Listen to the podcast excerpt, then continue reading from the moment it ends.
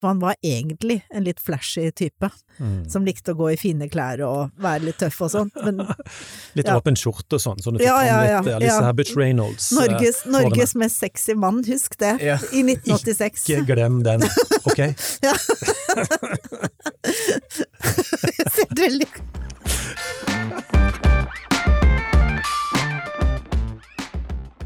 Og, og det har jeg lyst til å si til alle fedre som hører på, uansett om du liksom føler du får en faglig god nok begrunnelse her nå, at eh, si jevnlig til jentene eller jentene dine at de er vakre på en eller annen måte. Jeg Ja, gjør det jevnlig til Ja. mine jenter. Ja. De, de skal aldri tvile på det.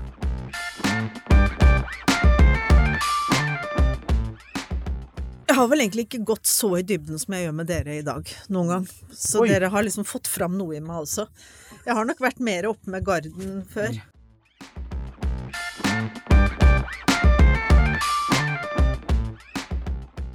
Hva det beste menn har å gi til verden? Ja, nå skal jeg bite meg litt i leppa her, men eh, Vi kjenner jo litt din fortid, må, altså. ja, jeg må bare fortelle at jeg er fra Nord-Norge, så jeg må være litt sånn på Jeg kan være litt sånn eh, eh, Ja, jeg kommer fra barske kår, jeg også, men uh, jeg, ok, jeg skal si Det jeg kan si, er Det jeg vil si, er rett og slett å bruke et uh, ord som Alexis Lund brukte uh, beskyttelse.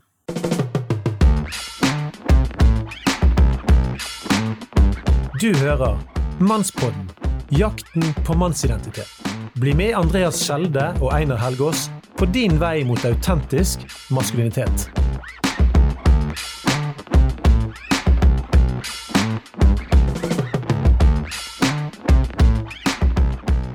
Min barndoms store helt.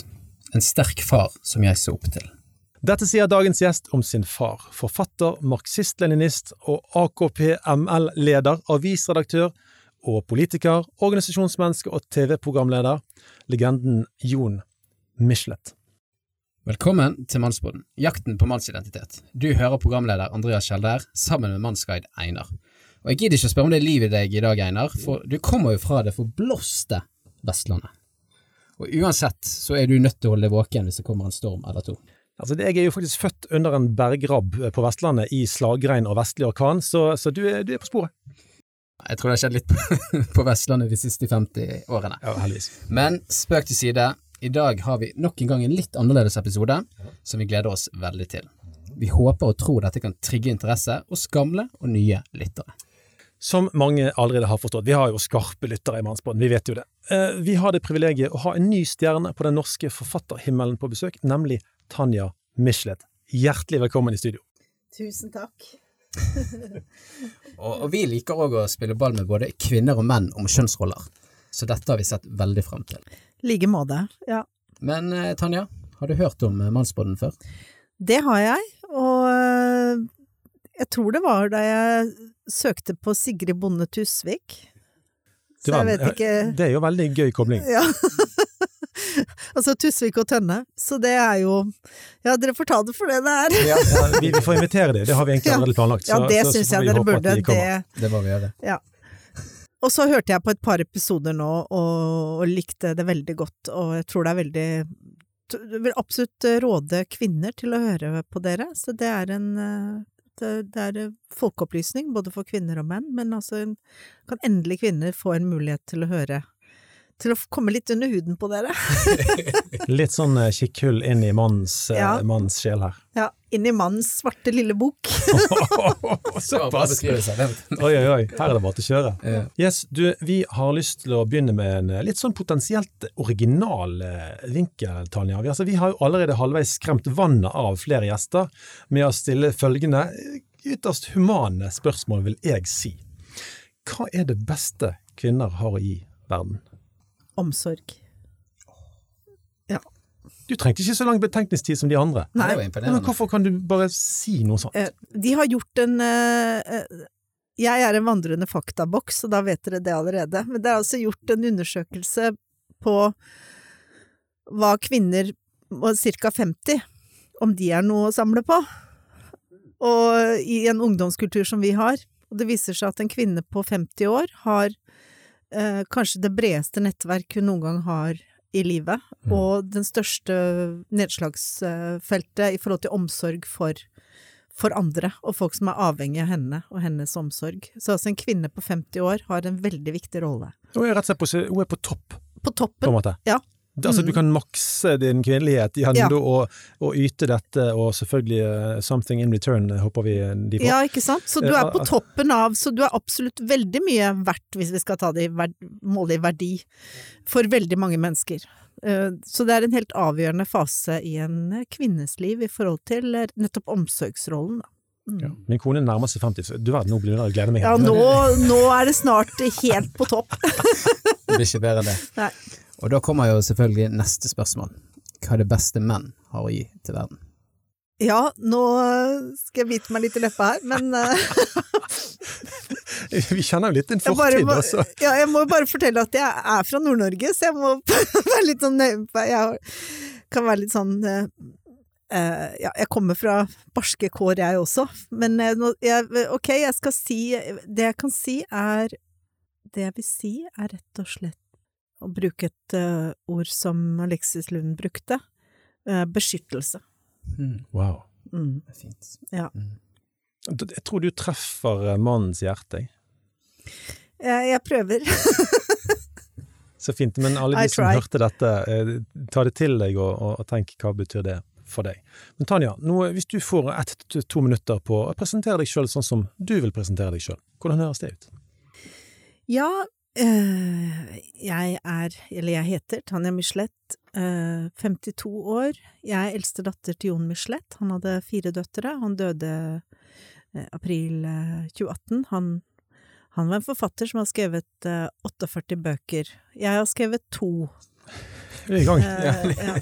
Jeg har en bakgrunn som lærer og statsansatt. Eh, bodde nesten seks år i Zambia. Som barn? eh, som barn og ungdom og voksen, ja, i flere perioder. Eh, fikk min første jobb på norske ambassaden i Zambia som 19-åring. Eh, det var veldig gøy. Eh, har en datter fra Zambia som er hvit, da, engelsk-norsk, men kommer fra Zambia.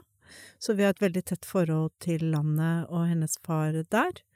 Eh, så har jeg vært lærer i ungdomsskole og videregående skole, eh, og jobbet på et prosjekt tilbake i Zambia igjen, 2014 til 2016. Så jeg har mye Afrika-greier med meg i sekken.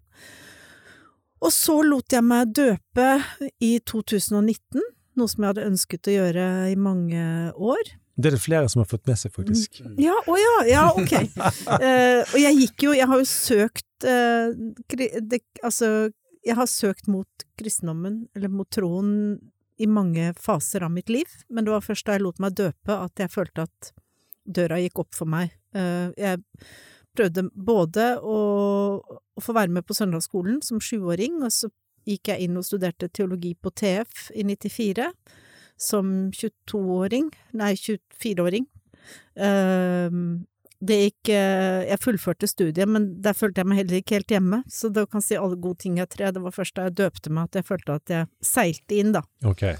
Og da hadde jeg egentlig tenkt Fordi faren min øh, øh, var da død, jeg hadde en voksen datter, jeg arvet penger, så tenkte jeg nå kan jeg egentlig kanskje bare dra tilbake til Afrika igjen.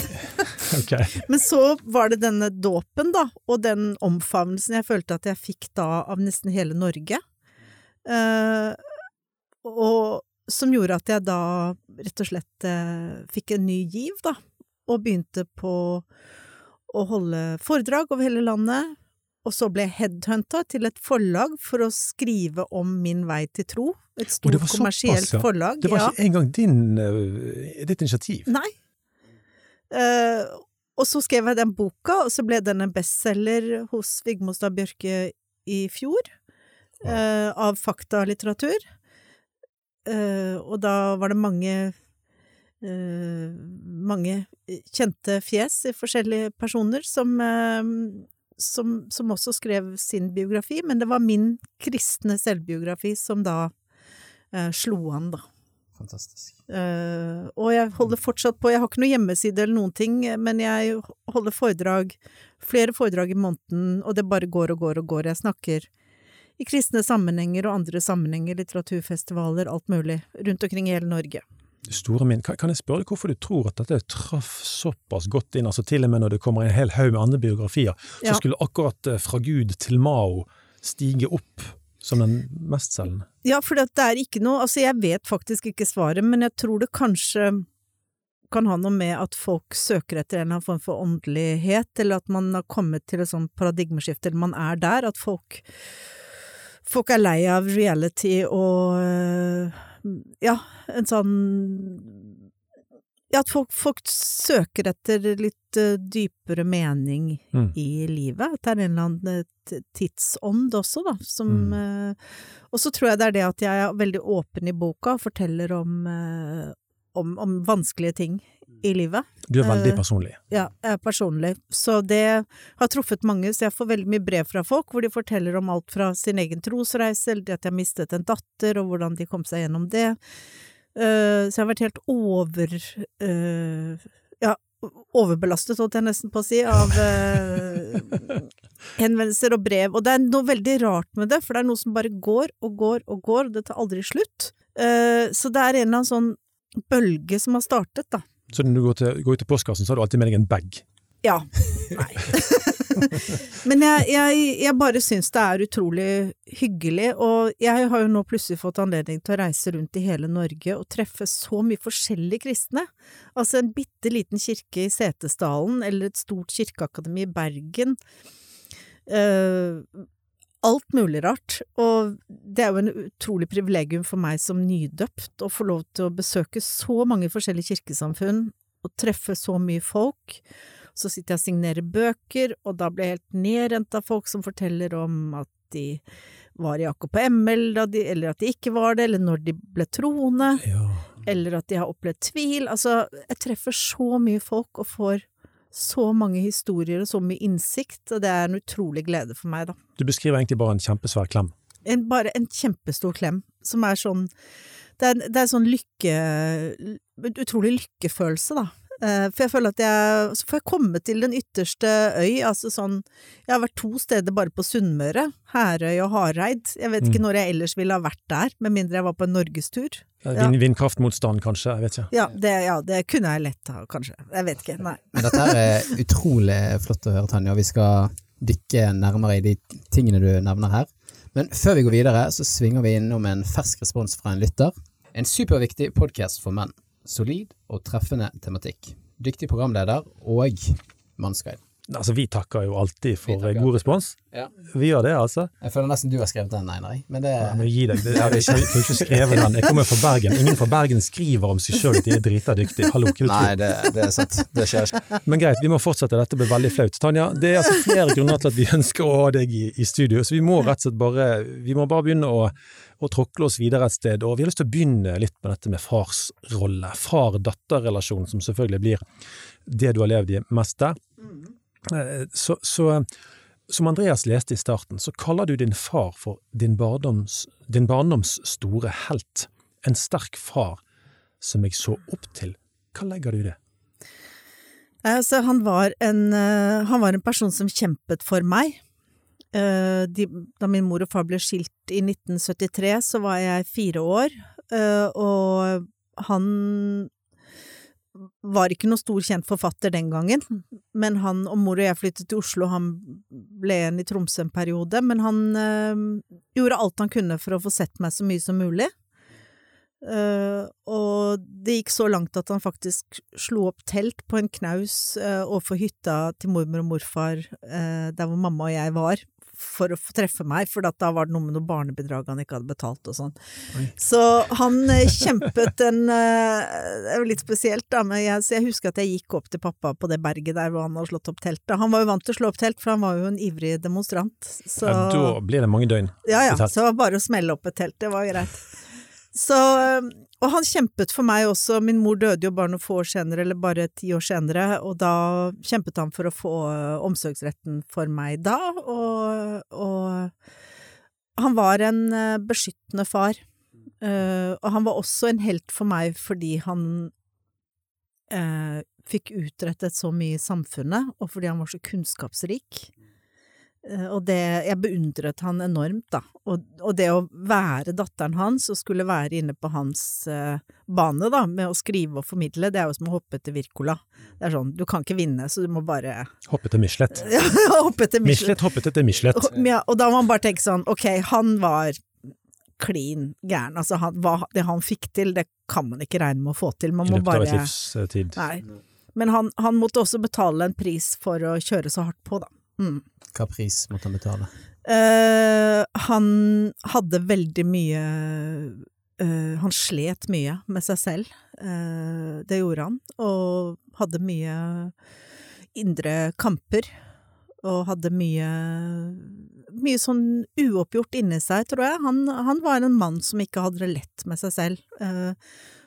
Og ikke minst så tror jeg det hadde med mannsrollen å gjøre, at han skulle være så tøff og hard og kunne være litt mutt, og så skulle han være machomann, men så var han jo i en bevegelse som hadde Hvor kvinnefronten kom ut fra den bevegelsen, så han skulle også være en feminist. Eh, Og så hadde han fire jenter, som han av og til følte var sånn kvinnesammensvergelse mot han. Så hvorfor kunne han ikke ha fått en sønn? Så var, han, han hadde veldig mye motstridende følelser. Og det var mye greier som foregikk inni han, og så var det ikke minst det at han han var med i et politisk parti, AKP-ML, som senere ble Rødt, da, eh, som møtte veldig mye motstand. Han ble overvåket i 20 år av overvåkningspolitiet. Han, han hadde denne fin, mye sånn fiendebilder også, ikke sant, at det var noen som var ute etter han i samfunnet, i og med at de overvåket han, da. Eh, og så hadde han dette med at han rett og slett utsatte seg selv for et enormt arbeidspress. Ikke sant? Firebarnsfar, og skrev 48 bøker, og hadde både jobb i Vi Menn og Klassekampen som redaktør der i mange år, i tillegg. Så, og han var bryggesjauer også i mange år, da. Eh, Så han, eh, han, eh, han kjørte et utrolig hardt løp eh, gjennom men, livet. kan jeg bare Mm. spørre, altså, eh, når du forklarer at han har så mye indre trøkk i seg rundt Ja. alle disse tingene, og tror du han har brukt dette enorme arbeidspresset som en slags dop for å døyve for noe av det, det som eh, var trøblete inni han? Ja, det har jeg Det har jeg ikke tenkt på egentlig så mye før du sier det nå, men det tror jeg, jeg tror absolutt at arbeidet var et sted å gå for han, hvor han bare kunne sitte og hamre løs på tastaturet og Ja, for hvis han hadde bare gått rundt og rundt på denne fotballbanen rett utenfor Ja, huset, mm, så kunne kanskje det føltes som at hvis, hvis han ikke da gikk til håper jeg, psykolog eller terapi, ja, mm. så var det kanskje bedre å kaste seg over en ny bok. Ja, jeg tror absolutt det lå noe der. Eh, og så lå det også noe mye mer eh, banalt også, og det var at han satset på å leve av en forfatterkarriere. Og da må du faktisk gi ut en bok i året for å kunne tjene nok til å, livets opphold. Ja, Eh, og etter hvert så fikk han en, noe som het en pensjon for eldre fortjente kunstnere, men han bare kjørte ut bøker, rett og slett for å kunne forsørge barna og, og tjene penger òg, rett og slett. Så det var, eh, men da hadde han jo valgt det livet, og så av og til var det litt bedre. Noen år jobbet han i Vi Menn, da tjente han godt, ikke sant, og så var han i, i Klassekampen som redaktør, og da hadde han i hvert fall en ok lønn, men stort sett så var han en strevende forfatter. Eh, og- som person så var han en utrolig temperamentsfull og litt sånn osende fyr, litt sånn spastisk. Så eh, det var kanskje like greit at han tok ut en del av det på tastaturet, da. Mm. Mm. Men eh, Tanja, hvordan har det vært, for det, du beskriver jo en far som gønner på med lidenskapen sin. Ja. Eh, Og det er jo ikke så mange i dagens samfunn som får leve ut lidenskapen sin. Det er sant. Hvordan tror du det har påvirket både deg og han? Jeg tror øh, Jeg tror at han har øh, lagt et, øh, et lagt et viktig sånn forarbeid både for meg og min neste, nest eldste Marte. Øh, Han øh, ville at vi skulle skrive og formidle. Han ville at vi også skulle bli formidlere. Så jeg tror han har, sånn sett har han vært en veldig inspirasjon for oss, da. Så det, det det, det er noe av det viktigste jeg tar med meg, uh, og hvor viktig det er å formidle og, og væ være i livet på en lidenskapelig måte, da. Selv om det også koster mye.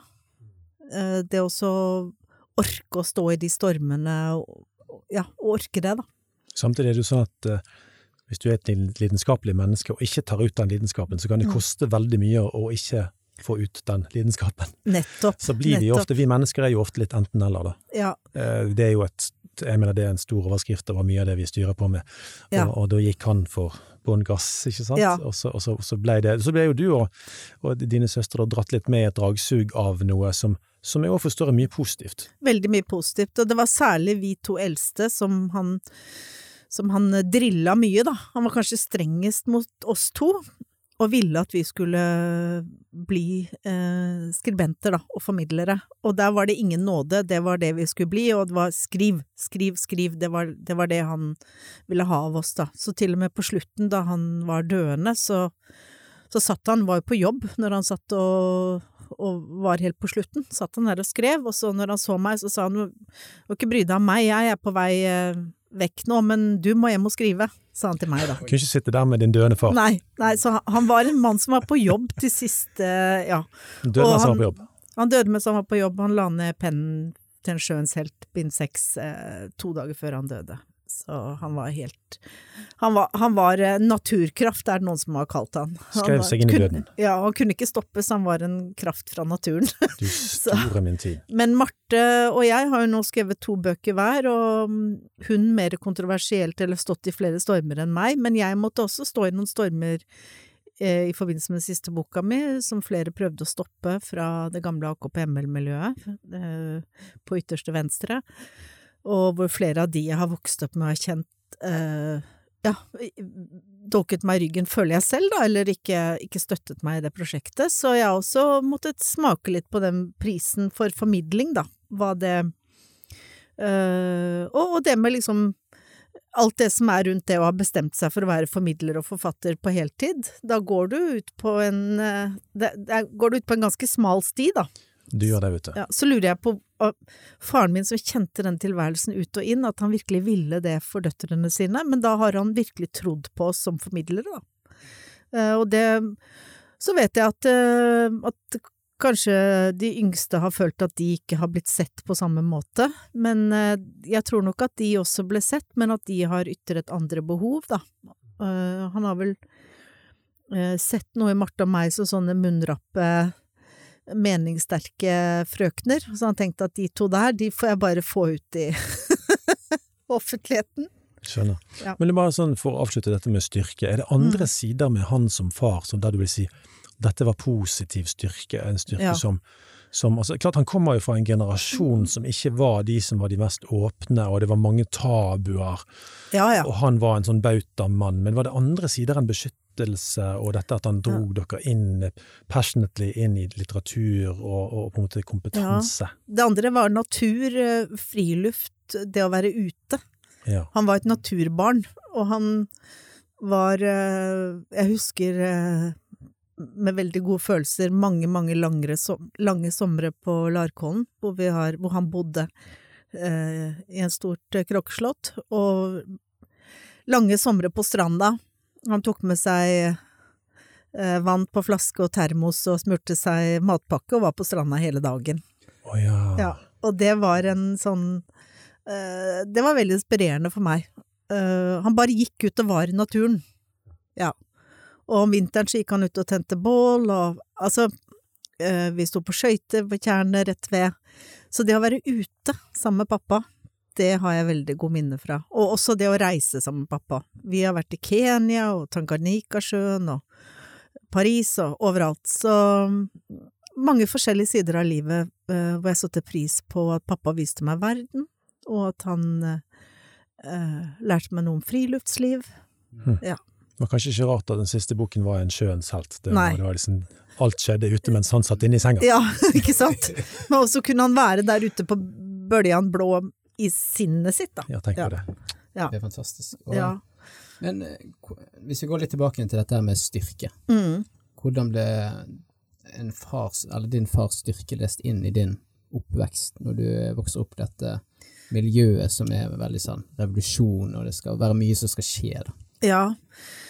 Nei, altså jeg øh, følte vel at øh, pappa var en veldig sterk revolusjonær, men også en svak og følsom mann. Eh, sånn at han ble veldig skuffet og gikk helt i kjelleren når hans politiske motstandere var ute etter han, eller når han fikk en dårlig anmeldelse for en bok, for han skrev jo også kommunistisk Det var jo kommunistisk grunnstreng i de fleste bøkene hans også, altså Mhm. samfunnskritikk, selv om det var krim han skrev.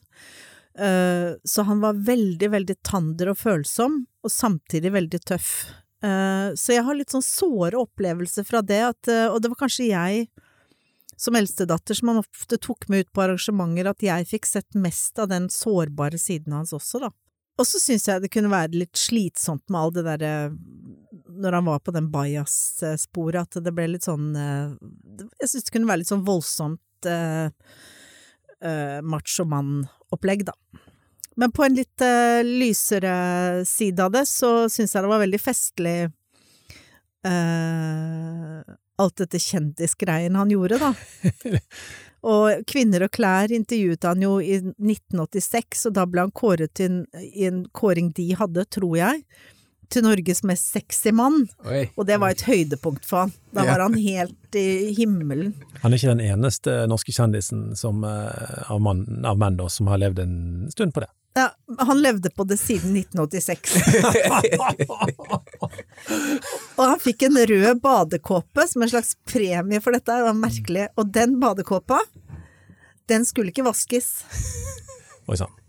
Så den, den hang på badet der, og den var sånn, den holdt man seg langt unna. Nå ligger han eh, i en kiste. med Sånn, eh, ja, den må vi ta vare på. Så, og så var han jo programleder for Fangene på fortet, og var liksom litt sånn Han var jo litt sånn Magnum-type, litt sånn tøff Tom Selleck, eh, liksom Burt Reynolds-type fyr, da. Eh, Du var jo litt stolt av han også, at han var så tøff og kjekk, da. Eh, Så er det andre ting som kunne være litt pinlig. Han var, han var jo så populær og kjekk at de fleste av mødrene til venninnene mine var jo helt på knærne etter han. Det kunne være litt sånn kleint, da. Eh, At mødrene til mine venninner spør om å få møte han og sånn. Det blir litt eh, Det var ikke det du ville ha Nei. Nei. nei, nei. Og i dette, men hvordan vil du også beskrive hans For du, du nevner denne her eh, sårbarheten hans. Mm, mm. Eh, der han eh, kanskje er følsom og sensitiv. Ja. Hvordan eh, påvirket det deg? Nei, det gjorde meg veldig lei meg, fordi han Jeg husker en gang han var i, en debatt med noen andre tidligere, eller andre AKP-meldere, altså uh, fra Arbeidernes Kommunistparti, da, på, dette var på 80-tallet, og uh, en offentlig debatt et eller annet sted, og så ble han da Følte han at han ble dolket i ryggen på scenen av mange av sine ja, uh, venner eller kamerater, da. Dag Solstad, Mhm. Fløgstad, mange sånne kjente profiler, og da i taxien på vei derfra så var han helt knekt, og jeg måtte trøste han, da, og jeg var jo bare en ung jente, så da var han de gangene hvor han ikke lykkes, da, i offentligheten, så var det jeg som, som var der for det, da, og det var veldig mye sånn eh, det var veldig mye fortvilelse over å ikke vinne de prisene han burde At han føl, følte at han ikke ble anerkjent, han følte at han eh, bare ble sett som en folkelig helt, men at han kom aldri til å vinne noen litteraturpris, han ville ikke Han var ikke intellektuell nok, han Ja. Så det var mye sånne såre punkter han hadde uh, opp igjennom, som jeg også følte veldig på, da. Uh, at han hadde, han hadde mye sårbarhet, og mye han følte han ikke hadde fått til. Eh, Særlig det at han følte han ikke hadde fått nok anerkjennelse. Men det fikk han jo i rikt mannen med den siste bokserien sin, En sjøens helt, om krigsseilernes historie. Da ble han jo millionær og, og fikk en kjempe Altså, han fikk jo et gjennombrudd som 67-åring med Så det tok litt tid, men eh, Det store gjennombruddet kom veldig, Mm. veldig seint for en mann som lengtet så ekstremt etter det, Ja. faktisk. da. Men han hadde et annet gjennombrudd før 1983 med Orions belte, som ble til film. Og da var han sånn 80-tallsmillionær, så da kjørte vi rosa Cadillac opp Karl Johan og sånn, kjempegøy. Da, det fikk jeg også være med på, da. Så, så, så det var kjempegøy. Men, eh, men Så det var da i 83, og så var det da på i 2000 og, ja, fra 2012-13 hvor han da slo gjennom med det. Litt gøy det at, eh, at Jon Michelet slår gjennom med Orions belte her i sant, i området, og det blir Cadillac her, mens Helge Jordal ble den folkehelten i Bergen. Og Ja. Nils Ole Oftebro har jo sittet her og sagt at han hadde ikke tenkt å, å besøke Bergen, for der sprang alle damene etter Helge Jordal. ja. på begynnelsen av 80-tallet. Ja, og jeg har truffet Helge Jordal noen ganger i senere tid, og hei Helge, ja, vi, han er jo en veldig kjekk mann da, så jeg skjønner jo det. Ja, ja, ok, vi, vi, skal, ikke, vi skal, ikke, ta mer. Ta mer. Men uh, nei, så, så, jeg lurer på om ikke Helge Jordal var med i den rosa Cadillac, nei, bare tuller. Men du, hvordan, hvordan skal en mann takle sine store ambisjoner. Din far hadde jo det, og en del menn har det, ikke alle. Men når du i tillegg har tatt på deg et farsansvar, hvordan skal du klare den balansegangen? Nei, jeg tror at han øh, syntes at det var veldig slitsomt. Og jeg vet ikke om han syns at han lyktes så godt med det. Det er jo kjempespenn. Ja, og han eh, syntes at det var bare en haug med jenter som skravla høl i hodet på han. Han kunne bli litt sliten av det. Men han var veldig hønefar også, og det var vi fire jentene som var livet hans. Eh, når du kjører så hardt løp som han, så får du ikke så mange nære venner. I hvert fall gjorde ikke han det, han, han bare jobba. Han jobba og var far, det var det han gjorde. Hm. Eh, men han var en sånn Han var ikke noen sånn moderne myk mann eller noen myk hønefar, han var sånn brummete, sånn gjør det, ikke gjør det. Uh, sånne enstavelsessetninger, sånn nei, ja. Høres så revolusjonært ut, jeg vet ikke, kan det, jo, det ha, har noe med Kanskje har noe med det å gjøre òg, ja. ja. ja. Så, så og, og, forventet mye av oss, da. Mm. Men var veldig glad i oss, og jeg tror vi var egentlig alt for han, egentlig. Ja.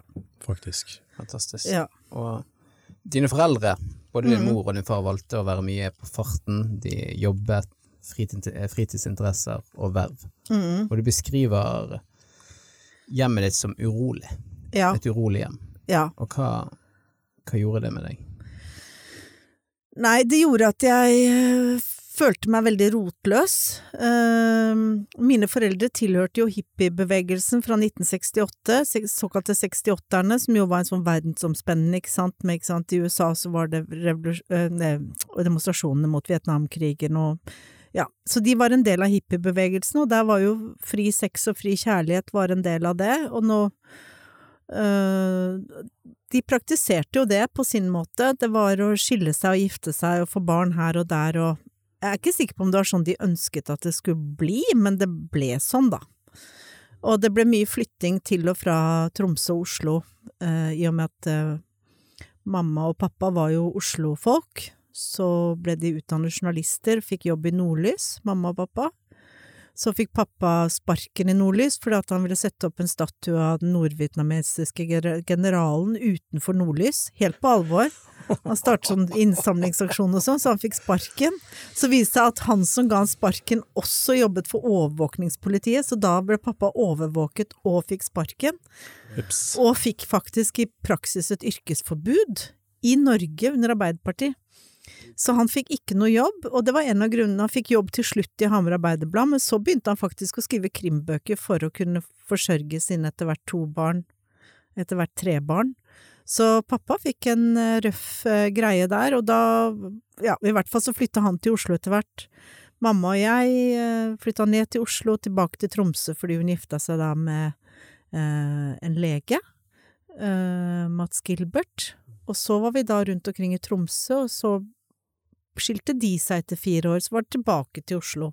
Så døde mamma, og så måtte jeg flytte inn hos pappa og hans nye familie, så det var bare flytting og oppbrudd hele tiden. Mm. Men, men altså, i, i, når du nå er, som du sier, du er over 50, altså, altså hva på en måte Klarer du å spore tilbake igjen hva det egentlig har gjort med deg, eller er det et for stort spørsmål? Nei, jeg har måttet øh, Jeg har måttet øh, bruke mange år i terapi for å bearbeide inntrykkene fra barndommen, øh, fordi det var så rotløst. Så jeg har jo av den grunn, øh, selv om mitt liv ikke øh, Mitt familieliv ikke ble sånn som jeg ønsket det, noe som jeg tror kanskje er en sammenheng også der, så er det allikevel sånn at jeg mener at den oppveksten jeg hadde, er det motsatte av gode familieverdier, eller det er det motsatte av det som er bra for barn å vokse opp i, da. Såpass, ja. Ja. ja det, det er jo sterkt sagt, men Ja, så jeg har, vært, mener det. jeg har vært, eh, ja, det har jeg vært veldig tydelig på. Og det har jeg jo fått litt pepper for, men eh, det er ikke ment som noe sånn veldig konservativ moralistisk, det er mer ment som en, en en eh, ja, et innspill på det at det er ikke så lett for barn å stå i skilsmisser og oppbrudd. Og jeg har møtt folk når jeg har holdt foredrag, en barnehagetante som sa at du, tør faktisk å snakke om det, hvordan et barn føler etter en skilsmisse, og det skal man liksom, liksom ikke snakke om, fordi skilsmisser skal barna bare tåle. Ja, Men det som er tragisk med det, er jo blant Mm. annet at det høres ut som en cover-up-aksjon for voksnes eh, på en måte behov for å, å, å virkelig bestemme fritt valg av partner, og, mens ungene da skal henge med på alt Ja. dette. nettopp. Og det, det er, eh, det er viktig at noen snakker for barna også. Fordi barna har ikke noen egen stemme ut i det norske samfunnet sånn sett, ikke sant? Eh, I noe særlig grad. Mer etter hvert, da, men særlig ikke de yngste barna. Så jeg har vært opptatt av å formidle det, og det gjør jeg også i min egen vei. eh, hvor, jeg, hvor, jeg, hvor jeg snakker om, om, om, om hvor vanskelig det kan være for et barn, da. Mm. Du, det er en annen ting du skriver, Tanja. Mm. Han var umåtelig stolt av meg, selv om han aldri, ikke én gang, sa det til meg. Og hvordan har det vært for deg? Altså, har det vært sårt? Er det noe du måtte kjempe med, at du, var, du måtte liksom fornemme en usynlig stolthet som aldri ble uttalt? Ja, nei, jeg syns det ble Det ble en sånn Det ble en sånn slags eh, En evig sånn slags sånn runddans rundt følelsene, hvor man aldri kom til, til bunns, på en måte, i hva han Altså at han ikke kunne si Si bare det han At han var stolt av meg, men jeg fikk høre at han hadde sagt det til andre.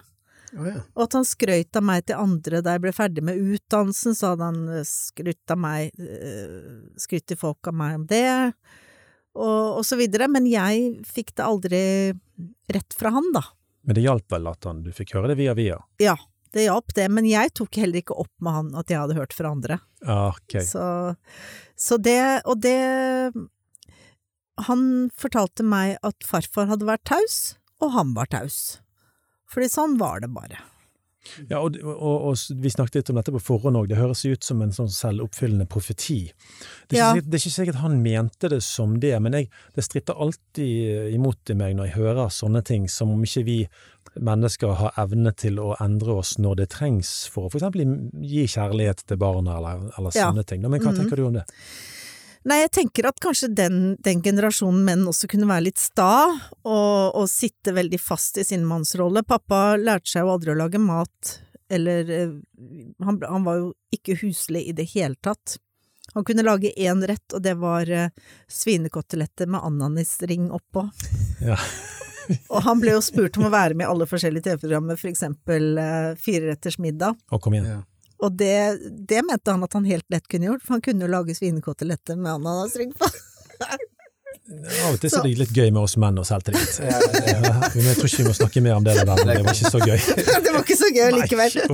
Men, eh, men eh, nei da, så han eh, Han var en som mannemann på den måten, og, og jeg tror nok han syns at særlig jeg, som er veldig ordentlig og renslig, og han syntes at, jeg, at det var veldig mye sånn fluff med meg som irriterte han. Det var sånn uff, gå vekk, slutt. Ja, slutt å drive og pusse og polere på ting og ja. Du utfordrer denne litt sånn, eh, den typen maskulinitet som er litt sånn røff og rå og Altså, Ja.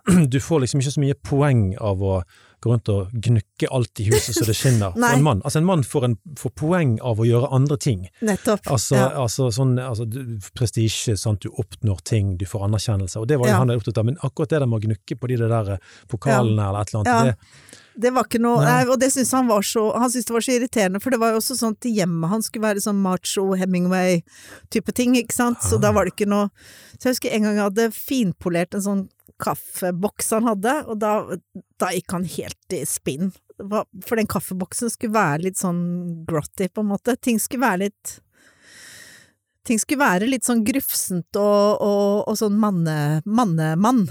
Ja. Ehm, så det gjaldt egentlig alt. Ikke vask bilen min når du har lånt den, liksom. Og du store min, Ja. såpass, ja. ja. Nei, det skulle være litt sånn For du vet, han var jo kommunist også, så skulle være en av eh, folket. Ting skulle ikke være fluffy og shiny, for å si det Ja. sånn. Men så høres det òg ut som han ville sanke de poengene han kunne sanke på Ja. dette maskulinitetsområdet. område. Nettopp, nettopp. Innenfor helt sånn klassisk maskulinitet, faktisk. da. Ja, prestasjon. Ja, ja nettopp. Mm. sant? Mm. Men så syns jeg det er så interessant når du beskriver uh, uh, alle disse sterke følelsene han gikk rundt med, Ja, og, og, og når han går rundt og brummer, ja, og det, og det bobler på innsiden, ja. men så lite å gå i møte og være åpen og sette seg ned og ta en cool prat med en eller annen god drikk, og så kan vi snakke liksom ut disse tingene. Det er ikke rart han går rundt og, og, og brummer. Jeg syns det er veldig rart, for jeg har en onkel som er hans navnebror, og som er litt yngre enn han, men bare noen få yngre.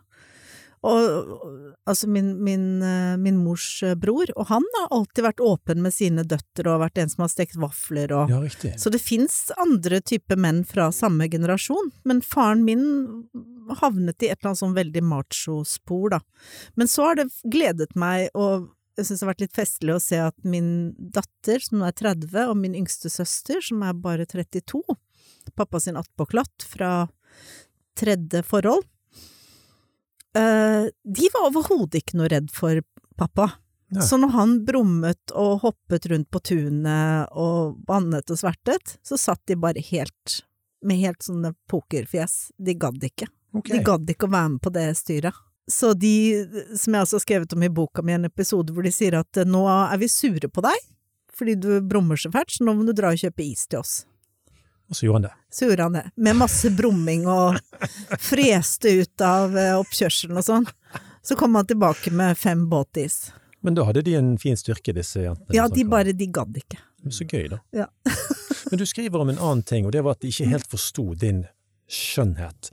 Og jeg tror, og det er ikke sikkert du er enig med meg i dette, jeg, jeg tror at alle jenter går og bærer på en drøm om, å bli- sett på som vakre, særlig fra Mm. far, faktisk. Og jeg tror det ligger som et sånn urspørsmål i alle jenter. Ja. Så hva skapte det i deg, at ikke du fikk den responsen der? Eh, jo, jeg fikk faktisk en respons på skjønnhet, men jeg er ikke sikker på om det ble Altså, i en bevegelse som innebar kvinnefronten, hvor man uh, gikk i fotformsko og Foldeskjørt. Ja, og, og skulle Du skulle ikke pynte deg mer enn menn gjorde. Så var det litt uh, Så var ikke det helt populært å være en sånn rosa fluffy-jente som jeg var, da. Uh, som hadde vunnet missekonkurranse på skolen og Ja. Ja da, jeg er selv veldig stolt av det, men det, det er Fortsatt, sånn selvfølgelig. Ja ja. Det er Akkurat som han var stolt av den Og det er bare også i 1986, så det var også superlenge siden. Det var- glorious i Michelet på begynnelsen av 80-tallet. Ja, det var, var så det, glorious. ja, da var det helt takeoff.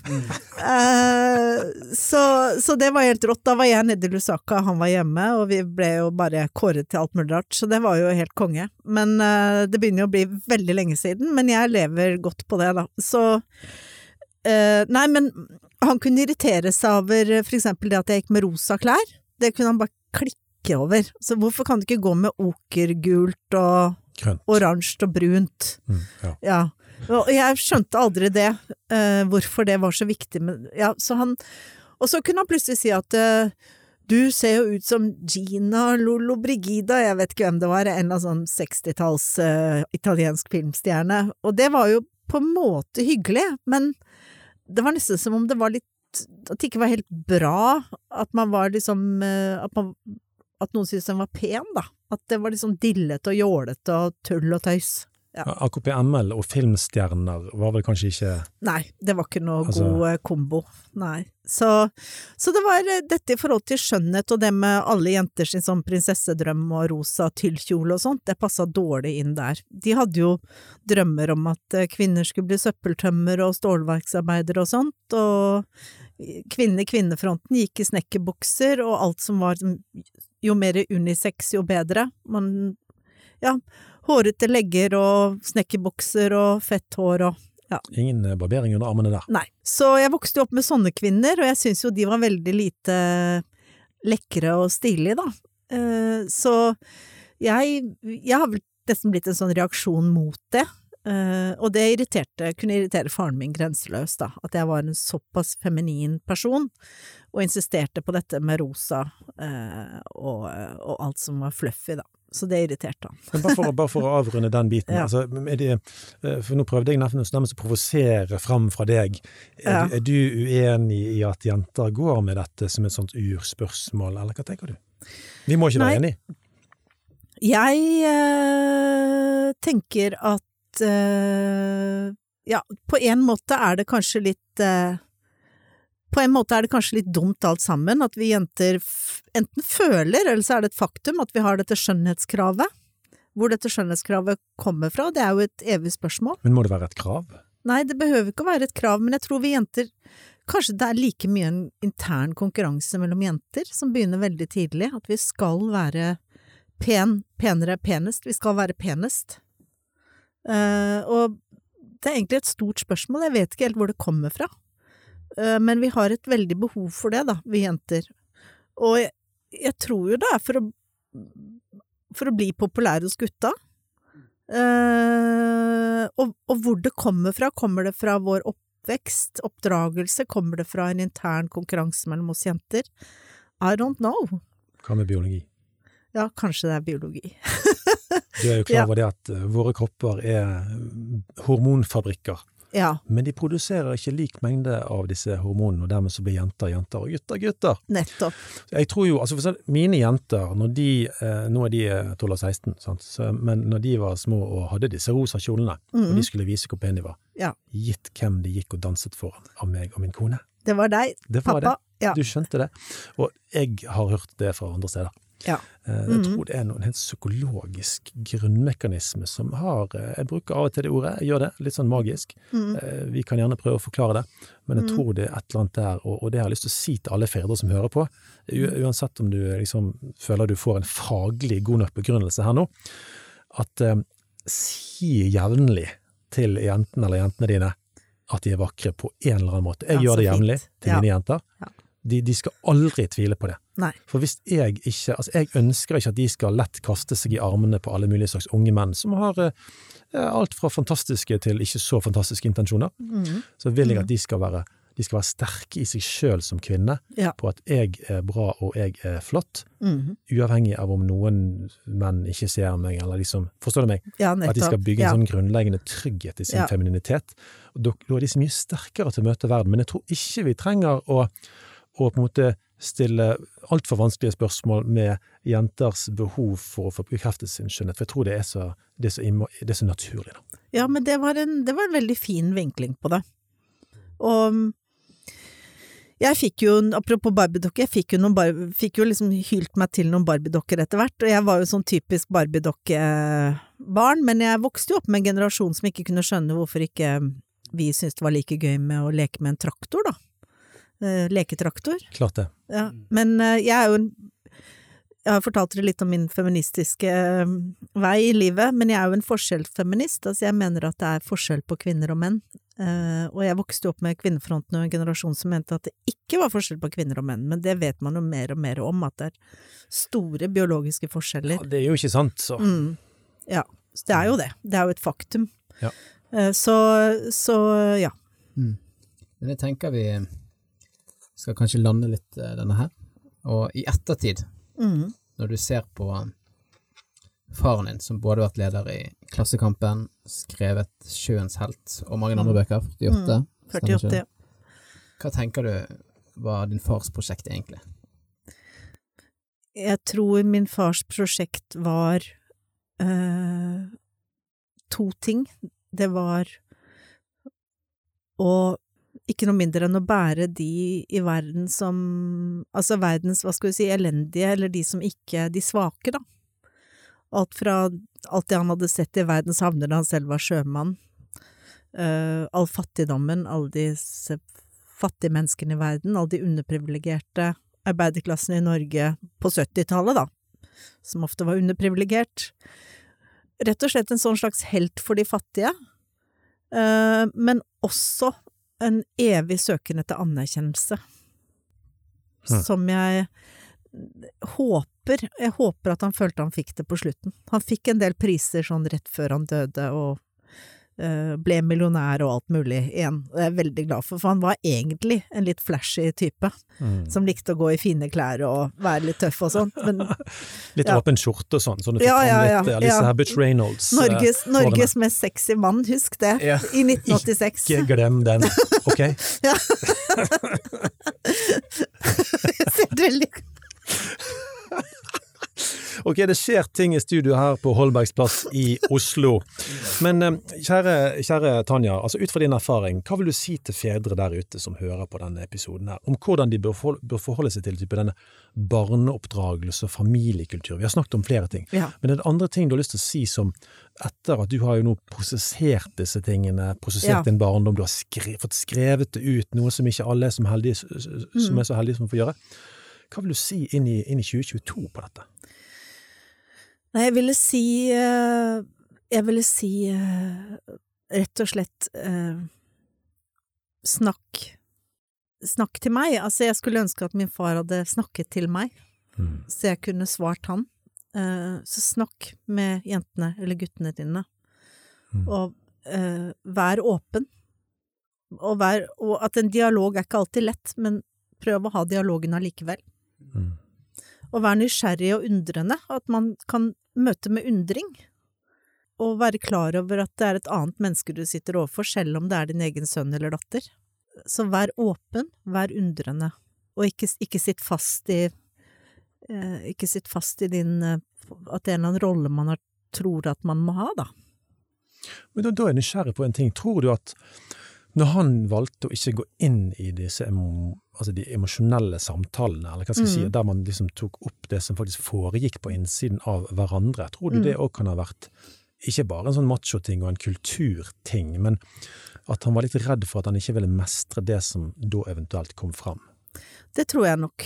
Eh, og særlig overfor en datter som Overfor sin eldste datter som hadde mistet sin mor under tragiske omstendigheter så ung, så var det å åpne den, den boksen der, det tror jeg han syntes var vanskelig. Ja, hva Eh, skjer da? Ja. Og han, eh, han bare jeg tror, Og det- og så tror jeg igjen at han da ble veldig skyldbetynget for at han ikke snakket om det, og så ble det bare enda verre, og så En sirkel? Ja, som- en selvoppfyllende Ja. Eh, så, så der tror jeg han var. Hm. Og så hadde han jo da fire barn som han da skulle Så han skulle jo ta seg av de andre tre, og så videre, så Og så jobba han så mye. Så dette var jo en mann som i første omgang var på jobb, eh, og i andre omgang, eller i andre omgang var far, da. Så han, eh, han hadde nok ikke funnet helt balansen der heller. Mm. Eh, det. og bare en sånn veldig kort ting også, ikke sant, men en felle som veldig mange AKP-melderne gikk i, eller den på ytterste venstre side, at de skulle redde verdens fattige, men at de tok seg ikke tid til å redde de som var nærmest. Ja. Eh, Så det, dette tror jeg var et veldig viktig feilsteg. Det er dessverre en klassisk felle. Ja, det er det. Det er det. Solidaritet med verden, alle i altså. hele verden, Ja. men hva med de som er deg nærmest? Du må, du må starte der. Men det Du kan elske deg fra ditt hjem og så ut i verden. Nettopp, det er den veien du må gå. Det hjelper ikke, altså man har en far som sitter og bekymrer seg for hvordan de har det i et land i Sør-Amerika, når du selv sliter med ting. Mm. Og Tanja, jeg tror det, det blir jo litt urettferdig òg hvis ikke vi går inn på det her med din mor.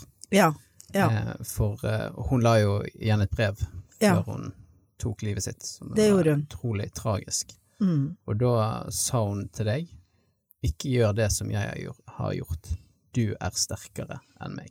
ja.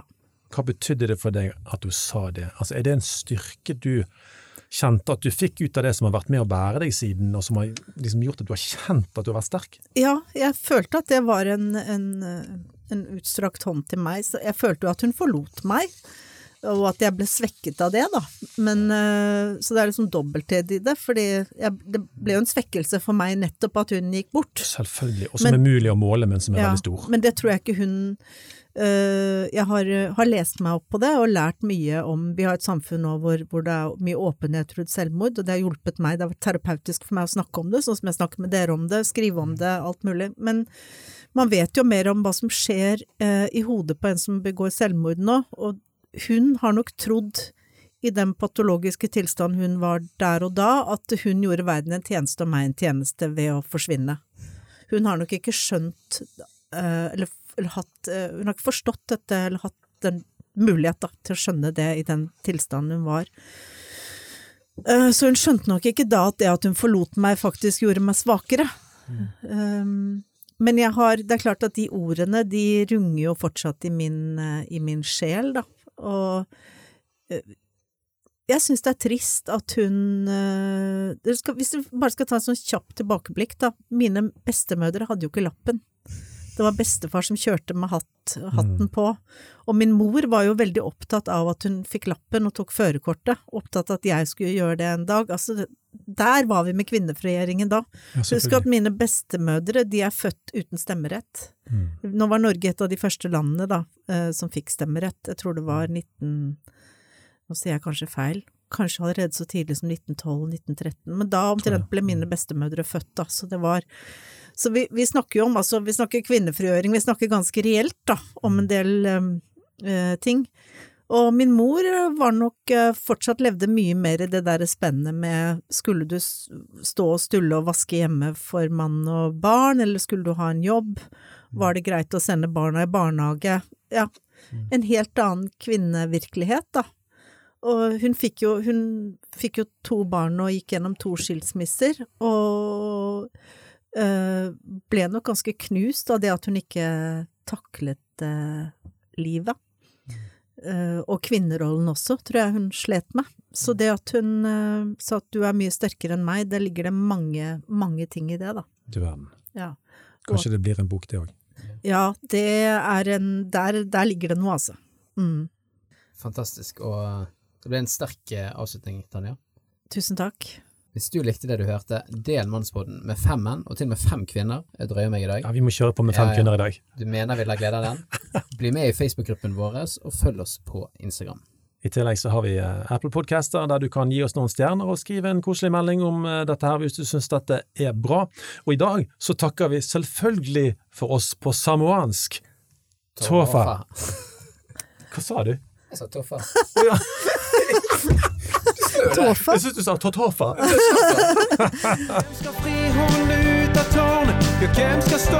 slottet?